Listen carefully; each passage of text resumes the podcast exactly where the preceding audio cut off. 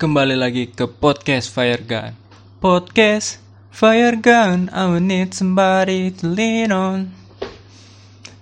Selamat datang di podcast Fire Gun episode kedua. Kali ini gue sendiri aja sih, gue solo, solo karir. Nggak ada yang mau nemenin.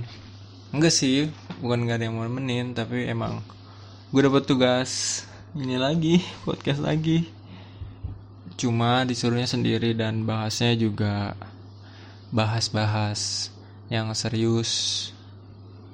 Dan harus pakai riset. Gue disuruh bikin dulu skripnya biar nggak berantakan. Gue emang kampus gue tuh jurusan gue kelas gue emang ditata banget buat jadi profesional.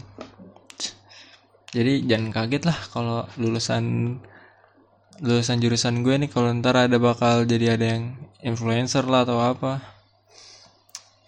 Dan kaget. Jadi artis daripada nih. Profesional. Siapa dulu? Dosennya ya nggak?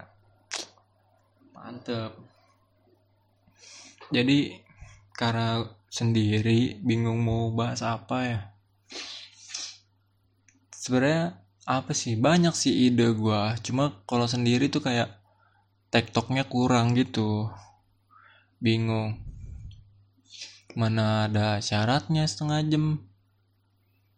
Apa gue setel lagu aja nih setengah jam? Di gue ulang-ulang. Mau bercanda juga bingung gue jadinya kan. Nggak ada yang nyaut nggak ada yang ketawa. Krik bat krik and by the way it's 2 am o'clock and I'm still doing this assignment. Miris gak sih? Enggak sih gak miris. Dikasih waktunya lama, emang dasar guanya aja kan. SKS. Sistem kebut semalam. Gak berasa bisa besok aja besok aja gak berasa tinggal besok waktunya. Tadinya gue tuh mau ngebahas ini yang lagi rame bensu. Bensu ini ayam geprek bensu ayam geprek bensu sama geprek bensu.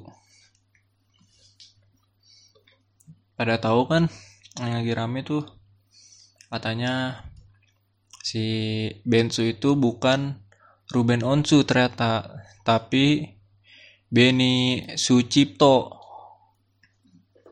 nggak bukan. Benny Sujono. Namanya Benny Sujono. Jadi dia bikin restoran namanya Geprek Bensu. Dan bikin bareng si eh si Jordi. Ikutan juga Jordi Onsu adiknya Ruben. Uh, terus narik lah si Ruben Onsu buat jadi brand ambasadornya. Lumayan kan? Lumayan ini apa? Dia kan terkenal gitu. Udah jadi brand ambasador ternyata terus naro lah si Jordi itu naro karyawan satu ke geprek bensu. Naro karyawan satu kerja cuma seminggu apa? Jadi mas seminggu ditarik lah itu. Nasi Ruben bikin geprek ay uh, iya IM geprek bensu restoran IM geprek bensu nah itu baru punya si Ruben. Si Ruben bikin bikin itu rame. Terus juga dihak ciptain semuanya. Be, nama bensu IM geprek bensu sampai gugat ke M MK kan bukan milik doi kan itu copyright. Hak ciptanya kan tanya si Benny itu Benny Sujono. Apa jadi Ben Ben Onsu? Itulah tapi ditolak terus sih sama jaksa jaksa apa hakim apa apa itu pokoknya ngurus itulah. Tolak terus nggak bisa. Ya udah akhirnya begitu aja geprek bensu ada temen gue geprek benjo. Nama, nama temen gue Benjo. Nah, Seba enggak sih gue bukan mau bahas ini sebenarnya. Gue mau ngasih tips and trick aja nih. Ini kan lagi masa-masa yang SMA kelas 3 lulus terus mau daftar kampus daftar PTN PTS atau kedinasan ya gue ngasih tips and trick aja nih. Gue sharing pengalaman gue dulu aja nih dari SMA gue tinggal di Tangerang SD SMP gue di Tangerang. SMA gue mau nyobain di Jakarta. Ke, kenapa gue mau nyobain di Jakarta? Gue makan sinetron cuy. Makan FTV gue ngeliat sekolah-sekolah di Jakarta nih. Yang main cewek Jeffrey Nicole yang main. Mantep banget nih sekolah gitu kan. Baju dikeluarin cana ketat sekolah nyantai begini gitu. Bandel-bandel gitu cowoknya kan. Wah kayaknya Jakarta begini kali ya emang keras gitu. Asik nih kayak nih buat gue nih. Daftar lah gue di ada SMA lah di Jakarta itu nggak jauh juga sih dari rumah gue setengah jam lah. Akhirnya yo misah lah gue sama temen gue di Tangerang. Gue misah sendiri ke Jakarta. Satu daftar di situ lewat jalur luar luar wilayah kan. Jadi gue tuh saingannya nggak bukan nama yang lain tapi ya saingannya cuma 10 orang apa berapa gitu. Name gue lumayan tinggi lah waktu itu. Iya lah tinggi. Lu tau lah gimana bisa tinggi.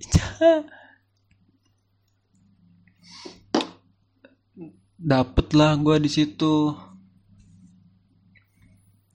Pertama masuk situ kok kayak sama aja be aja malah. Awal-awal ketemu gue malah sama yang ini culun-culun. Satu semester di situ kan namanya baru masuk SMA kan pasti kayak tukar cerita gitu kan satu semester kayak gue kan emang masih rutin nongkrong ya gue ada tongkrongan sama teman SMP gabungan dari SMA SMP SMP lain Tangerang gitu gue ada tongkrongan pada tukar cerita lah di situ kan sama di SMA nya masing-masing kayak gimana wah lucu nih iya nih seru, seru sekolahnya teman-temannya asik gitu. Gue doang nih yang nggak ada cerita kemakan omongan temen lah gitu kayak wah nyesel banget lo di Jakarta. Coba sih ini sama gue kan Tangerang asik gitu. Masih nongkrong nggak nggak sejauh-jauh lu masih nongkrong sama gue bisa balik sekolah makan omongan temen. Wah konyol-konyol banget dah di Tangerang gitu. Temen-temennya asik-asik. Kemakan omongan temen gue keracunin. Sampai minta pindah gue ke bokap gue kita pindah. Eh dinasihatin. Ah paling kamu itu habis tukar cerita kan gitu ya. Itu mah biasa ntar kamu juga nemu gitu. Benar katanya ya makan omongan doang. Nggak jadi pindah gue jadi gue tuh mau ke Tangerang nyari nakalnya nyari bandelnya. Beneran tuh gue terapin di SMA gue nakal gue bolos gue nggak ngerjain tugas lah. Pernah gue inget banget gue kelas 1 gue bolos matkul geografi. Kan matkul sih itu ya apa? Mata pelajaran mata pelajaran geografi gue bolos lah. Gue udah niat besok bolos nih. Kalau nggak salah inget itu hari Selasa balik cepet. Eh nggak nggak tahu lupa lupa. Pokoknya gue ada niat uh, besok bolos besok bolos. Gue ke sekolah cuma bawa buku cuma bawa buku. Eh enggak gue bawa tas lengkap tapi nggak ada bukunya bawa tas doang. Bawa tas ta gue masuk paginya masuk. Pas mat mata kuliah pas mata pelajaran geografi tas gue taruh locker.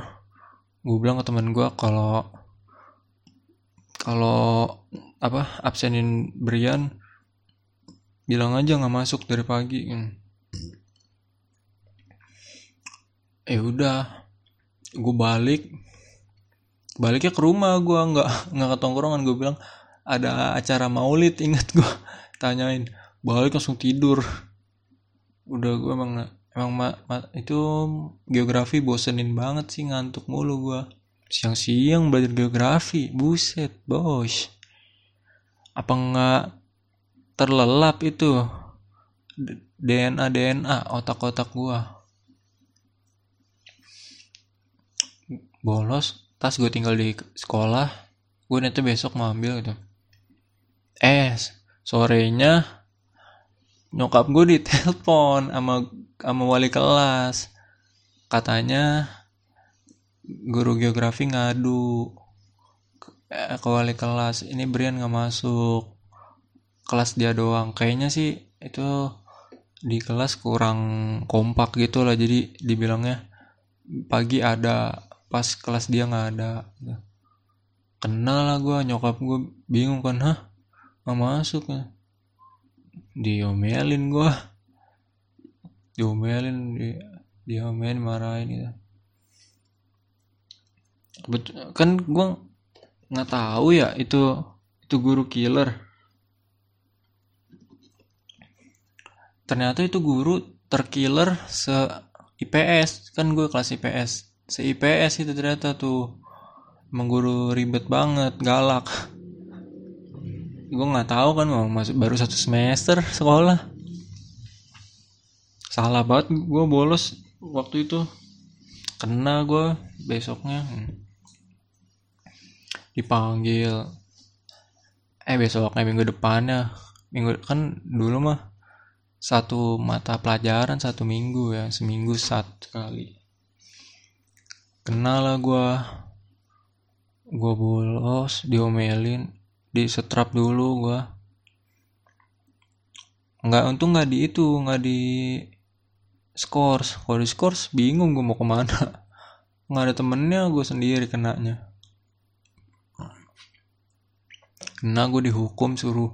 Dihukum yang ini gue suruh nyari batu batu kolom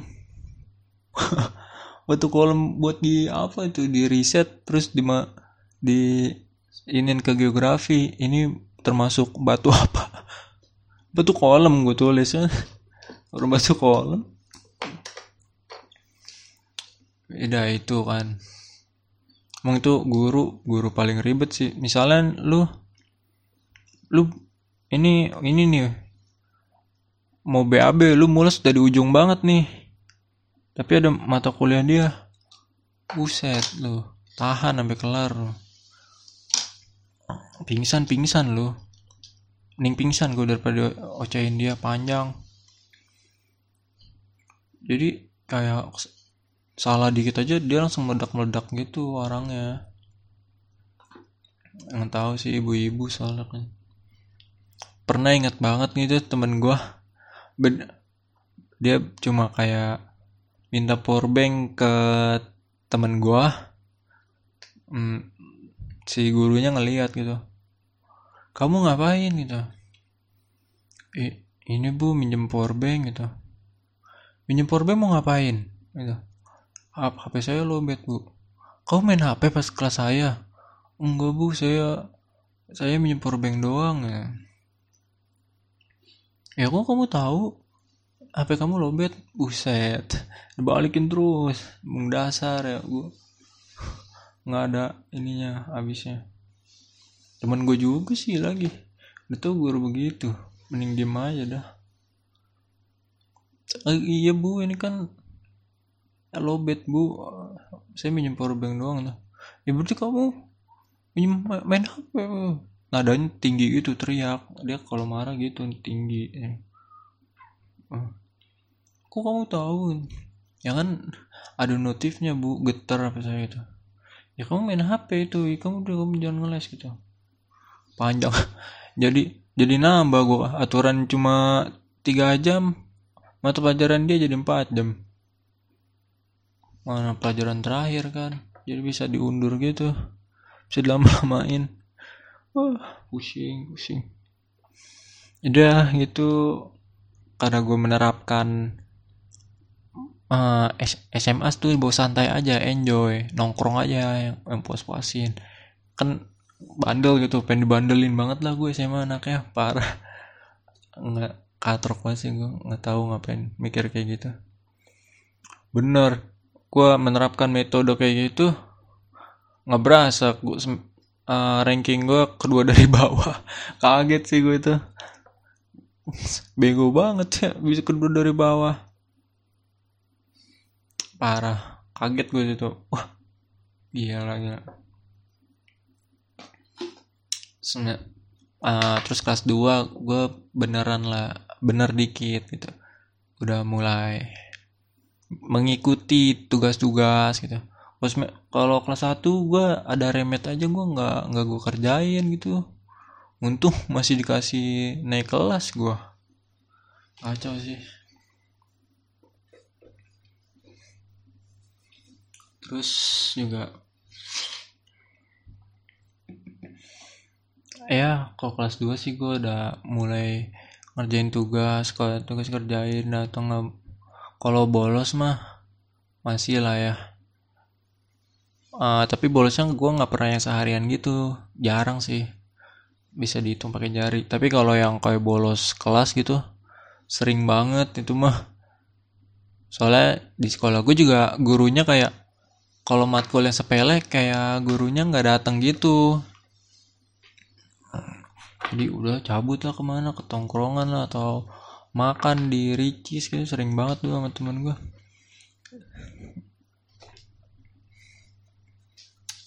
dah. Itu gue juga udah punya pacar sih kelas 2 jadi udah agak bener. Kelas 3 kelas 3 ya kelas 3 kan bentar ya sekolah kelas 3 gue fokus USBN bukan UN UN ada tapi gue fokusnya USBN soalnya katanya kelulusan nilainya dilihat dari USBN nah jadi gue fokusnya di USBN aja UN ngapain orang? Katanya UN ya buat rapot aja. Eh iya wah buat rapot. Ijazah dicantuminnya USBN kelulusan USBN kelar. UN gue ngasal UN nem nem nem SMA gue gedean eh sama kayak nem SD gue dua tujuh. Nem SD gue segitu. Apaan nih? Kacau kacau. Kan tapi justru menurut gue di situ tipsnya. Tips biar lo dapet ke uh, lolos di tes ke pendidikan yang selanjutnya ke perkuliahannya. Jadi lu fokus ke ini aja tes kelulusan SMH soalnya kalau lu USBN lu fokus USBN aja. Nah UN nya nggak selalu bawa pusing. Temen gua ada. USBN bawa serius UN dibawa serius akhirnya pusing kan berat. Soalnya jeda USBN sama UN kan nggak jauh akhirnya berat sendiri. SBM tuh yang tes buat kuliah. Dia nggak ikut akhirnya nyerah. Udah udah udah capek banget belajar katanya. Kalau menurut gue sih buat lo, lo pada yang lagi nyari kampus negeri ini kan pakai SBM ya udah fokusnya di tes SMA kelulusan lo USBN sama SBM jadi USBN kelar lu latihan tuh. SBM tes tes SBM soal soalnya UN mah jadi dibawa santai aja kalau UN orang nggak ngaruh ini kan.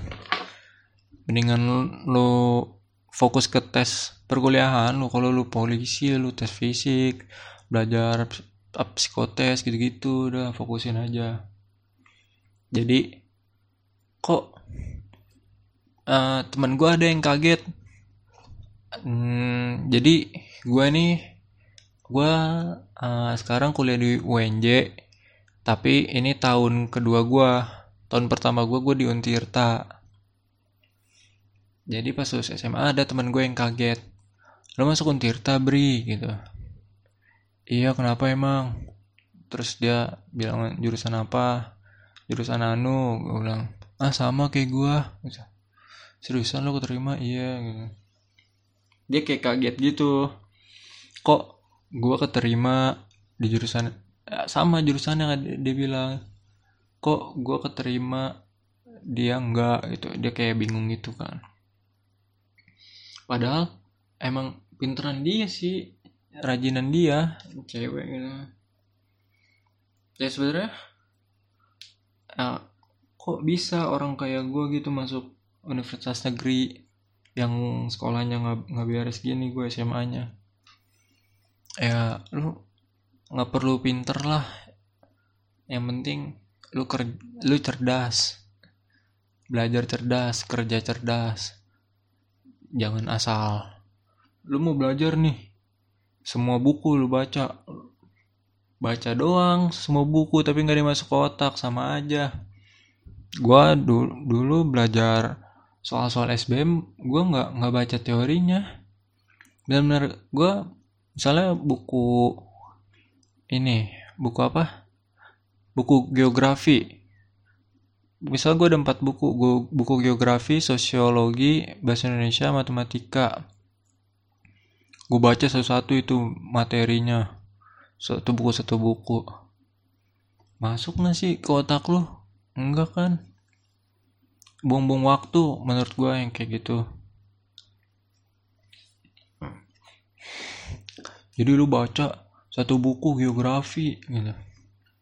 Buang waktu banget cuy. Masuk ke otak lu juga belum tentu. Kalau lu emang pinter muat otaknya. Ya boleh aja sih sebenarnya cuma ya buat otak yang kapasitasnya kecil kayak gue nih kudu muat dimuat muatin gitu di dikit dikitin disimpannya di otak. Jadi kalau buat orang kayak gue sih gue belajar soal-soal. Kan soal SPM kan udah jelas ya. Gue ngambil soshum tes soshum jadi misalnya tuh nomor 1 sampai 10 nih bagian bagian matematikanya nomor 1 sampai 5 misalnya. Atau sampai 5 itu aljabar. 6 sampai 10 6, 6 sampai 10 itu misalnya perkalian gitu. Kan itu udah termasuk kisi-kisi gitu loh. Jadi jadi lu nggak usah semuanya lu pelajarin. Jadi pelajarin aja yang masuk ke soal itu. Kan lu ngerjain soal ngerjain minim dua deh eh tiga minim ngerjain tiga juga lu ibaratnya udah udah nyelesain satu bab bagian aljabar gitu. Kayak geografi. Misalnya lu belajar lagi bagian nomor 25 sampai eh nomor 26 sampai 30 misalnya tentang tentang ini per, pegunungan gitu. Gue gue udah lupa sih itu materinya apa nanya kan gue gue salah ya pegunungan misalnya 26 sampai 30 itu materi pegunungan. Itu lima soal aja. Berarti udah satu bab tentang pegunungan. Jadi lu nggak usah baca sampai berpuluh-puluh halaman gitulah. Jadi lu kerjain dulu nih. Yang bisa yang bisa lu isi yang nggak bisa lu kosongin lu baletin kerjainnya kalau gue sih waktu itu satu matkul satu satu pelajaran satu pelajaran. Jadi beneran masuk otak. Jadi misalnya geografi gue kerjain geografi dulu udah gue isi semua yang tahu gue isi yang nggak tahu gue kosongin. Terus gue cek di kunci jawaban. Yang gue isi benar apa salah. Terus yang gue kosongin jawabannya apa? Setelah gue lihat jawaban gue lihat materi. Eh enggak gue belum lihat jawaban dulu. Yang nggak tahu yang eh udah gitu semua gue ini lagi. Gue koreksinya koreksi sendiri nggak ngeliat kunci jawaban. Gue koreksinya dari buku. Kan gampang kan kalau per eh kalau lewat soal kan tinggal lu bisa searching atau di bukunya. Kan ada tuh buku yang langsung ada materi sama soal gitu. Nah pegunungan misalnya pegunungan lu cari yang materi pegunungan. Udah dapet tuh itu semua masuk kotak semua tuh tentang pegunungan cuma gara-gara dari lima soal. Misalnya pegunungan tektonik apa aja gitu. Eh, apa sih? Bukan tektonik. Pegunungan vulkanik ya gitu gitulah pegunungan vulkanik tuh apa aja gitunya ya dari lima soal itu misalnya dapat soal yang kayak gitu kan lu otomatis nyari dong di buku pegunungan tektonik itu apa aja. Udah dapet tuh jadi jadi nyebar tuh ilmu lu. Eh iya nangkep nangkapnya ilmunya jadi banyak dapetnya. Itu kebetulan juga itu gue juga metode kayak gitu. Sebenarnya gue dapat dari bukunya jadi gue buku tebel khusus SBMPTN nah dia ngasih ngasihnya gitu enak. Pertama materi dulu um, baru soal soal sesuai materinya. Misal bahasa Indonesia lagi materi tentang EYD eh, tentang EYD baru dikasih soal 10 tentang EYD semua. Itu baru bab selanjutnya bahasa Indonesia tentang ini tentang apa sih tentang kayak inilah puisi tentang kayak puisi gitu. Baru dikasih 10 soal tentang puisi itu jadi cuma dari beberapa soal lu udah bisa dapat satu bab udah, udah bisa dapat satu bab gitu. Jadi gitu aja. Lu nggak usah perlu capek-capek lah nyari nyari nyari baca-baca buku banyak-banyak. Emang lu baca semua yakin serajin itu lo nah itu dia lu juga harus tahu diri lu pinter apa enggak nih jujur aja sama diri sendiri. Kalau gue sih emang males gue orangnya. Jujur aja gue males. Tapi gue kalau makanya gue gua akalin pakai si soal pakai ngerjain soal. Nah kebetulan juga gue harus banget kan di negeri soalnya swasta kan mahal gitu. Jadi gue nggak mau lah ngecewain orang tua gitu gimana caranya orang malas dan bodoh sepertiku dapat negeri? Eh, gitulah. Ter, apa belajar cerdas kerja cerdas berpikir kreatif gitu. Gue sebenarnya pengennya di stan sih. Tahun pertama sebelum di Untirta gue daftar stan.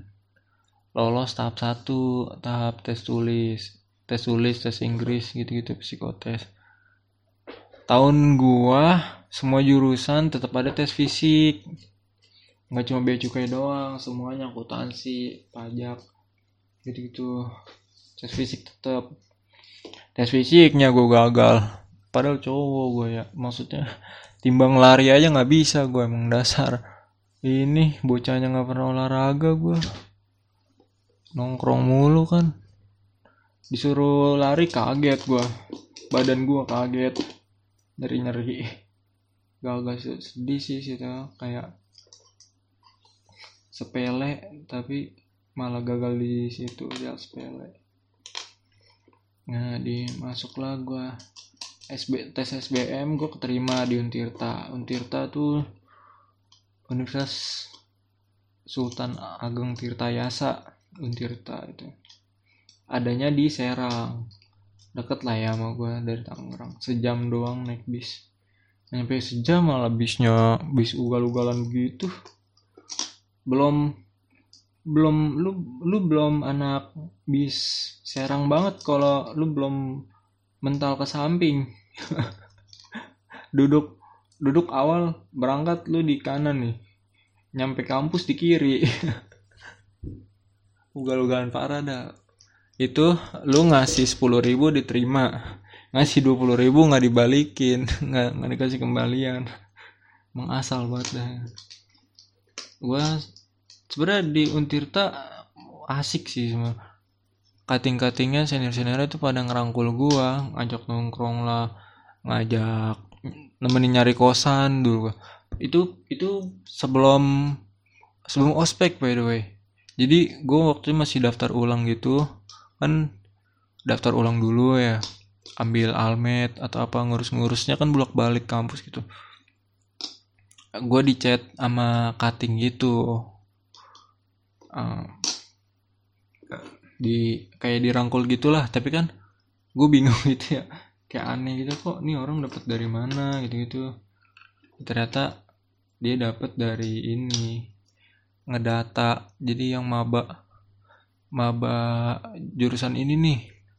Gue inget pernah waktu lagi mau ngurusin surat-surat daftar kampus pas di Untirta ada booth ada stand gitu jurusan gua. Gue pikir itu bagian dari situ. Gue ngisi nomor ngisi ID lain gitu gue nama ternyata di dari situ nomor baik baik banget para gue diajakin ini nongkrong sama dia mangkatan dia. Di di cariin kosan gue dikeliling di ditemenin keliling-keliling gitu. Ayo gue cariin gue kasih tahu yang murah-murah mana di sini sekitar sini sini sini. Biar dirangkul banget dah parah. Bahaya banget nih santai aja nggak usah manggil bang bang itu asik dah. Padahal itu sebelum ospek loh jadi ibaratnya kayak baru terdaftar aja di situ tapi udah seasik itu gitu. Ba udah baik banget. Pas os nah iya kan gue gue bahkan udah dapet temen banyak udah nongkrong bareng sebelum gue ospek. Eh pas gue ospek gue ngerasa nggak betah gitu malah. Setelah ospek kuliah kan kuliah biasa gue malah kayak ngerasa nggak betah sama sama temen kelas gue bukan sama temen kelas gue doang sama suasananya. Gue jadi males nongkrong gue pengen balik ke, ke Tangerang mulu buru-buru. Gue pas udah masuk kuliah malah bener-bener nggak -bener pernah nggak pernah nongkrong gue dateng masuk kelas kelar kelas gue pulang. Udah gitu aja kerjanya nggak pernah nongkrong gue selalu ngehindar kalau temen-temen gue nggak pernah ya, selalu bawaannya pengen ke, ke, pulang aja deh ya.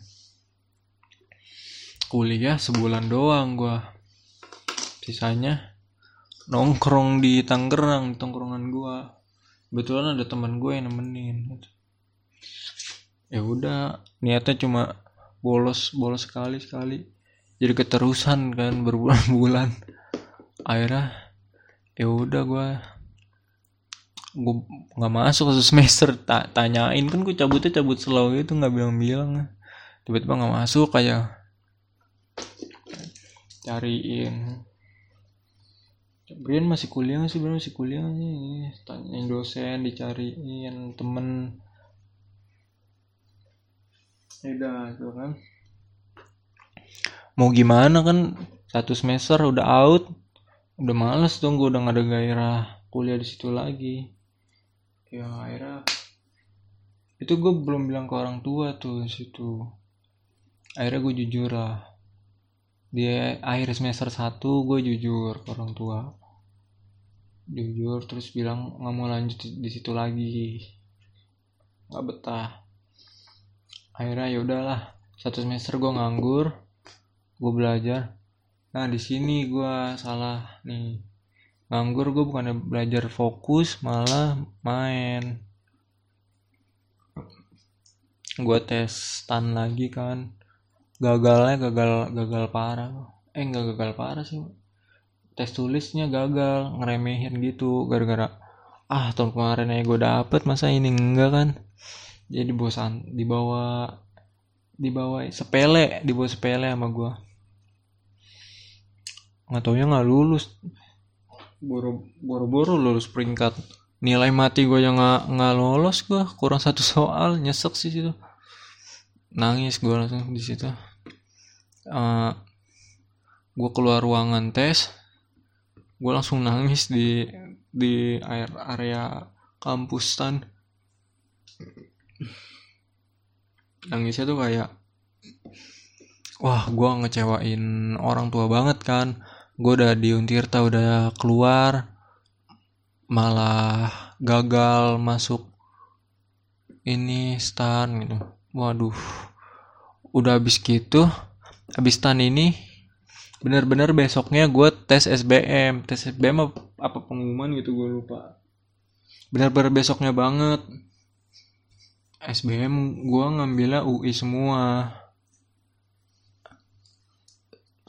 sebenarnya gue pengen di ini sih di luar di luar Jakarta gitu sebenarnya nggak nggak ini nggak nyokap nggak serak ya mau gimana? Kalau nggak serak mah kalau nggak direstuin mana bakal masuk kan? Ya gue sih UI semua pede gitu kan? Udah belajar satu semester masa ya nggak masuk?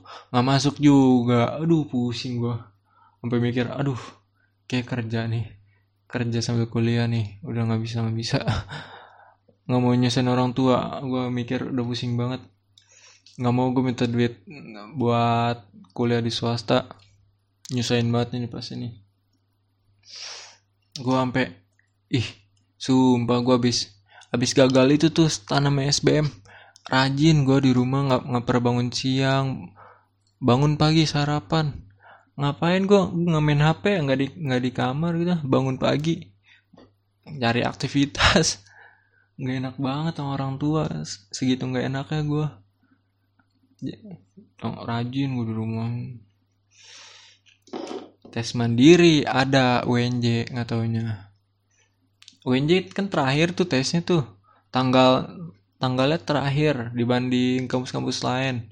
Dia tesnya paling terakhir banget daftar aku situ. Nyari aman aja gue udahlah nih dari ini kesempatan terakhir gue nih di negeri itu gue di negeri maksudnya bukan gengsi sih tapi kayak nggak mau nyusahin orang tua aja lah. Itu lebih murah di negeri. Gue daftar. Alhamdulillah sih keterima nih di UNJ di walaupun D3 kan gue nyari aman. Ya udahlah. Daripada nganggur. Eh enggak nganggur sih maksudnya. Daripada nggak dapat apa-apa gitu ya udah. Gue juga udah bilang ke nyokap ke bokap. Tapi D3 ya udahlah nggak apa-apa. Kuliah yang benar aja jangan kayak waktu di Untirta gue dibilang gitu tetap aja nggak beres kuliah di sini gue males-malesan ya. Eh, gimana ya bawaan. Tapi yang nggak mau lah begini terus. Harus rajin. Ya udah akhirnya. Alhamdulillah nggak ada yang nggak ada masalah apa apa gue kuliah di sini. Gua pulang pergi. Nggak mau ngekos gua. eh, nggak nggak betah. Gue udah tahun kedua di sini. Tahun depan lulus tahun ini magang insya Allah. Kalau ini ngelihat pandemik dulu nih. Pengen mah magang ini gue udah bosen banget. Bosen banget belajar. Udah pusing pengen gawe aja udahlah biar dapet duit gitu. Umur umur segini tuh udah umur gue sekarang udah 21 ini umur umur segini udah lu prioritasnya? Nyari duit nih tem gue ngeliat teman-teman gue pada megang duit sendiri. Sebenarnya gue juga ini sih ada part time tapi ya kurang lah pengennya gawe yang di kantoran gitu deh yang gajinya lumayan. Ya udahlah segitu aja mungkin ya. Makasih yang udah dengerin. See you on episode 3 Podcast Fire Gun I will need somebody to lean on. Thank you, thank you